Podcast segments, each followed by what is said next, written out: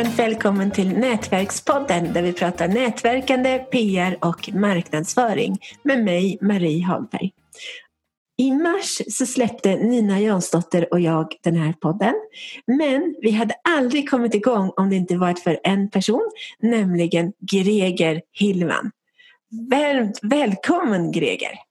Ja, men tack så mycket, tackar tackar. Jättekul att få vara med i, i podden. Jag, jag har ju fått vara med även innan här lite grann så det är så kul att se vad ni har gjort med den här podden. Det är mm. mycket, mycket bra jobbat.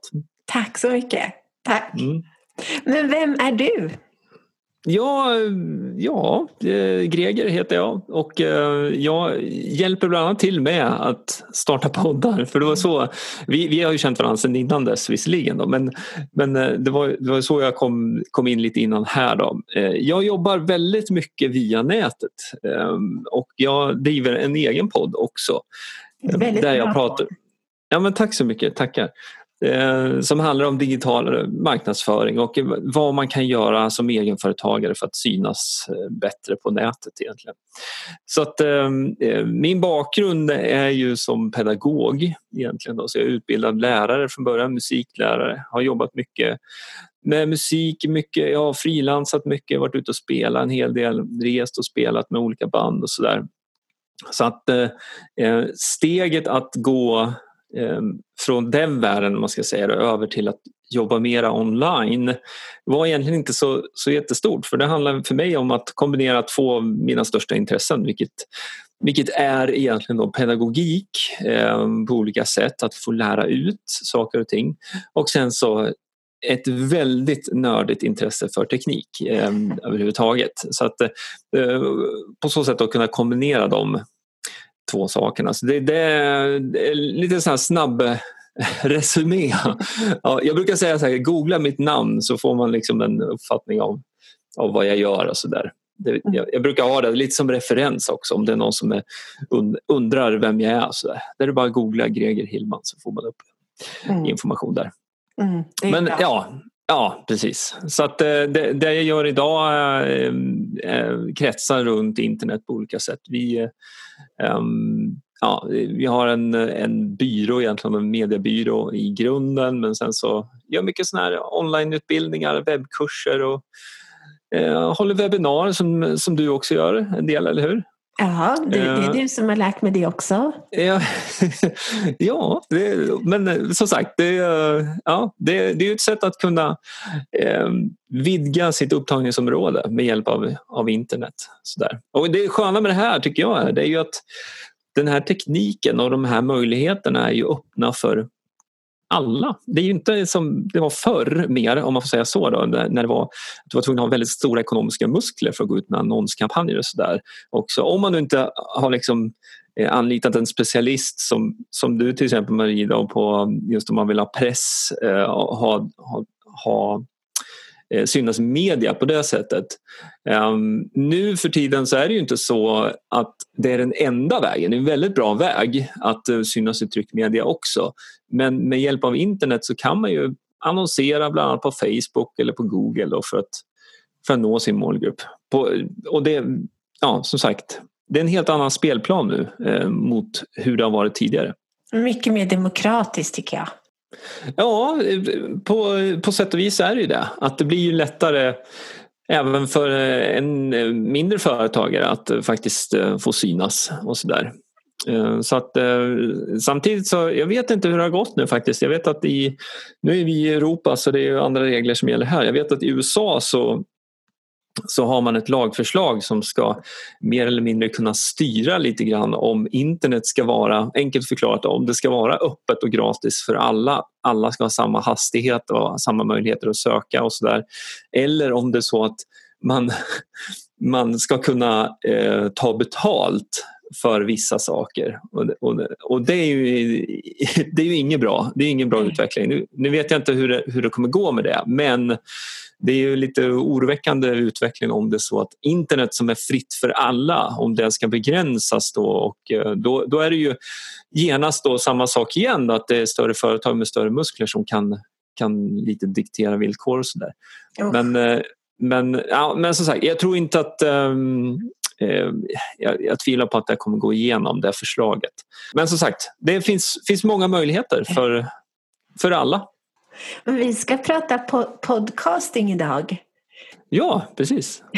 Vem bör skaffa en podcast? Ja, om det är så att du driver ett företag eller om du jobbar på ett företag eller någon typ av organisation där ni vill då kommunicera ut vad ni jobbar med, vad ni står för och eh, det kan vara ett sätt att, att um, leverera information. Det kan vara ett sätt att man um, Eh, håller samtal eller som vi gör nu att eh, man intervjuar en person för att ehm, ja, liksom ge sin målgrupp eh, ett bra innehåll på ett eller annat sätt. Så att ehm, för att svara på den frågan vem som... Jag skulle säga att det, de som jag har hjälpt att starta podcast är väldigt, väldigt olika vad ska man säga, branscher. Så att det finns egentligen inte jag skulle säga att alla kan starta en men det, det kanske inte passar riktigt alla. Men eh, podcasting är ju man kan se det som ett ben eller en del i eh, ett företagsstrategi, då, en digital strategi som man kan ha för att eh, nå och möta sin målgrupp. Så att väldigt många passar det ju för, så är det ju. Och det kan man ju se också för att det är väldigt många podcast som startar. Men det är också väldigt många podcast som försvinner och det tror jag har att göra med lite grann att man kanske inte har, har någon riktig plan för hur man ska använda sig av den här podden. Utan um, att starta upp en podd och, och lära sig tekniken, det vet du också Marie, det är, det är lite hantverk i det men det, eh, det lär man sig relativt snabbt ändå.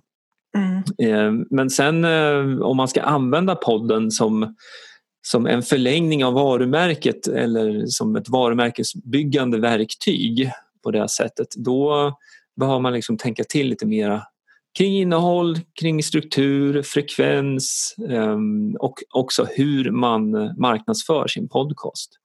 Så att, eh, men för, som en egenföretagare i, i en bransch till exempel då, där, det, där det finns eh, många aktörer Eh, och du vill då nå utanför ditt normala geografiska upptagningsområde då är ju det här ett väldigt bra medium. Eh, det, det har ju både, vi har pratat om det innan vi spelade in här också lite grann att um, både ni och jag och även andra som, som jag har hjälpt, man ser ju den här snöbollseffekten som blir. Att när du har eh, spelat in ett antal avsnitt och man då marknadsför dem löpande så att säga, man promotar dem. Så får man in nya lyssnare eftersom. Och det som händer då det är att det blir en snöboll. Så att eh, har du spelat in tio avsnitt till exempel så kanske du inte har så många lyssnare i början. Och det, det, det, det beror ju alldeles på vad, liksom, vilka kontaktytor du har från början också. Men för varje lyssnare som du får in som tycker att det här är intressant så kan du få den personen då att ja, lyssna på det här eh, första avsnittet då, men sen så finns det ju nio andra och det är så du får den här snöbollseffekten då och det är så du kan bygga också både en kontakt och ett, ditt varumärke och ett förtroende för det du gör. Då. Om man nu tittar som, som egenföretagare eller mindre företag. Um, samma princip för större också men, men framförallt då just om vi knyter an till det vi pratade om att förutsättningarna är de samma faktiskt nu för både mindre och större företag. Ja, det är häftigt. Ja, det är väldigt häftigt faktiskt. Dels så, det är några sådana här bassaker som man måste ha på plats. Ehm, och ehm, om vi, vi kan börja lite med teknik och sådär så kan vi bara checka av om det. Och ehm, några sådana här bassaker som man behöver ha på plats det är ju någon typ av mikrofon då, som man spelar in i. Och eh, där eh, skulle jag direkt eh, avråda från att spela in då med till exempel ett handsfree eller inbyggd mick i dator för det blir alldeles för dålig ljudkvalitet. Man måste tänka på att de som lyssnar på podden gör ofta någonting annat. Det är också en av de största styrkorna med en podd. Att man kan lyssna på den samtidigt som man gör något annat, lagar mat, åker bil, är på väg till jobbet, är på gymmet och så vidare. Så att ljudkvaliteten är ju faktiskt en, en viktig faktor i det här. Ehm, jag, jag satt eh, på ett möte med eh, en, jag är med i en eh, amerikansk mastermind. Ehm, jag satt i det här mötet igår och då var det en, ehm, en annan person i den här mastermindgruppen som var så glad nu för att Eh, hennes kompanjon hade äntligen insett att eh, hon satt med en, en Blue Yeti-mick själv och kompanjonen hade spelat in med ett handsfree. Och, eh, och då får man ju liksom, eh, sitter man och pratar i en sån situation blir det, det blir jättebra ljud på den ena personen och jättedåligt om vi säger så på, på den andra. Det blir ingen skön upplevelse som, som lyssnare heller. Så, så en bra mick, nu har jag nämnt direkt då, Blue Yeti är en mick som funkar bra. Det finns flera andra mickar också, en USB-mick som man kopplar rakt in i datorn.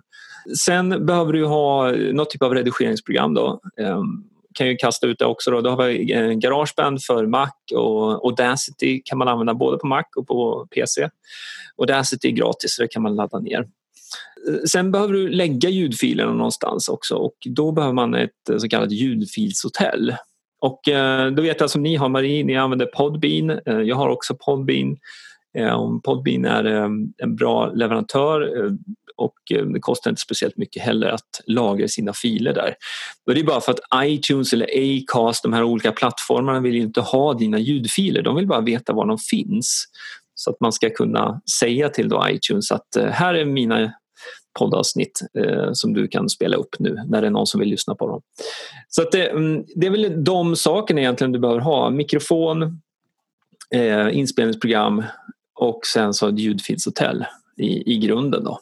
Så ja, det, det, är det. Sen så behöver man ju lära sig att hantera den där tekniken då runt det. Och det var ju så egentligen du och jag kom i kontakt eh, lite mer inför när ni startade den här podden också. Men sen skulle jag vilja skifta egentligen tillbaka till det jag pratade om innan här. Att en, en bra sak att, att titta närmare på också, det är själva planen med podden. Så hur man ska liksom strukturera innehållet. Eh, enkelt förklarat om man tänker sig en tidslinje framför sig då, då har du en introduktion, eh, kanske har en jingel först, introduktion, huvuddel, du kanske har veckans fråga eller månadens fråga eh, och sen så avslutar du med en jingel i slutet. Det, den kan se väldigt olika ut den här strukturen beroende på vilken typ av podcast man har. Intervjupodcast har ett format. Eh, jag vet det är flera stycken som kör bland annat eh, John Lee Dumas eh, Entrepreneur on Fire. Han har ju samma frågor hela tiden. Ah. Tim Ferris har, har startat en, en ny podd också som har samma samma format egentligen just med att det är samma frågor i varje avsnitt. Då, så där. så att det blir en igenkänningsfaktor i det också. Så att det, som lyssnare kan det också vara ganska skönt. Stort tack Marie för att jag fick vara med. Tack själv Greger. Det här avsnittet presenterades av webbtjänsten Hjälp en journalist. Den är till för företagare som lättare vill få värdefull publicitet i radio, tv och tidningar samt journalister som lättare vill hitta intervjupersoner till sina artiklar, radio och tv-program. För mer information gå in på www hjälpenjournalist.nu www.hjälpenjournalist.nu Förstås utan prickar på ät. Varmt välkommen!